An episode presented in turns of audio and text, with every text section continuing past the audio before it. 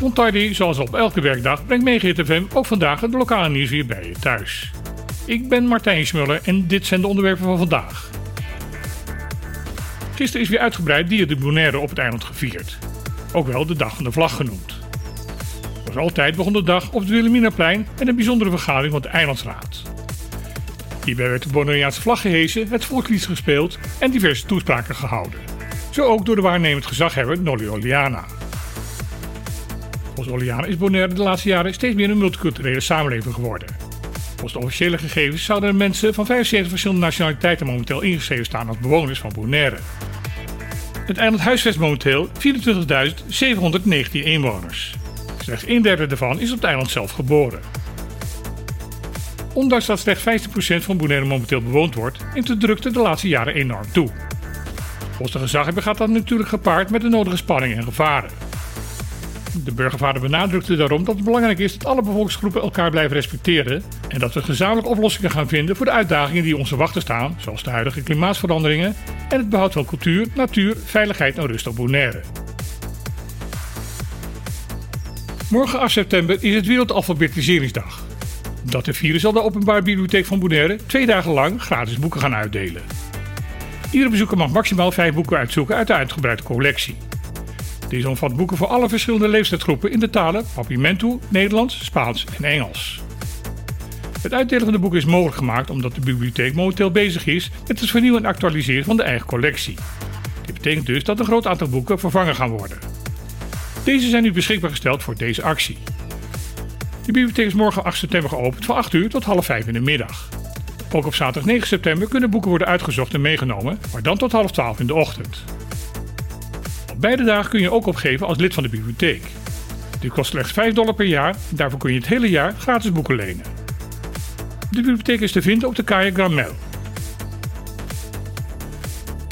In 2017 raasde de storm Irma met vernietigende kracht over het eiland Sint Maarten.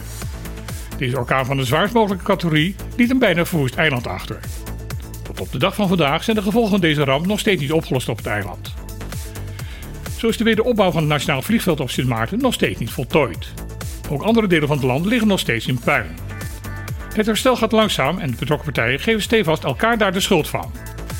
Het grote slachtoffer van deze oneenigheid is vanzelfsprekend de bevolking van Sint Maarten.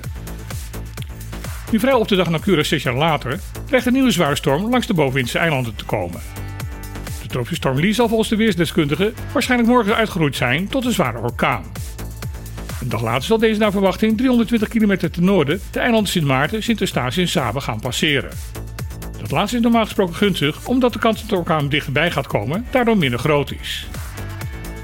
Ondertussen zijn de bewoners van de eilanden voor het gevaar gewaarschuwd en is daar nu letterlijk sprake van een stilte voor de storm. Als de alarmierheid van de Tweede Kamer ligt, mogen alle politieke dossiers die te maken hebben met het Caribisch gedeelte van het Koninkrijk door het demissionair kabinet Rutte 4 afgehandeld gaan worden. Door de val van het kabinet net voor de zomervakantie moet er nu bepaald worden welke politieke vraagstukken nog door de afgetreden provincieleden behandeld mogen worden en wat politiek zo geladen is dat het noodzakelijk is om dat door te schuiven naar een nieuw kabinet na de Tweede Kamerverkiezing op 2 november.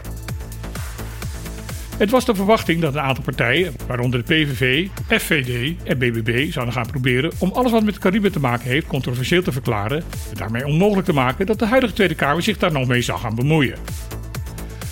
Deze partijen willen dat omdat men ervan uitgaat dat deze onderwerpen, zoals de Caribische eilanden, niet erg aanspreekt bij hun achterban. Dit voornemen is echter voorkomen door een opmerkelijke gezamenlijke actie van de partijen VVD, D66, CDA, PvdA GroenLinks en de Partij voor de Dieren. Deze partijen, die samen een ruime meerderheid in de huidige Tweede Kamer vormen, hebben tijdens een vergadering van de Vaste Kamercommissie voor Koninkrijksrelaties duidelijk gemaakt dat zij ervoor gaan zorgen dat alle Koninkrijksdossiers niet controversieel verklaard zullen gaan worden.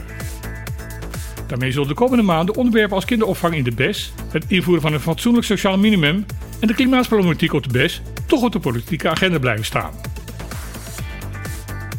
Dit was hier het lokale nieuws op Megahit FM. Ik wens u een mooie en eensgezinde dag toe. En dan heel graag weer tot morgen.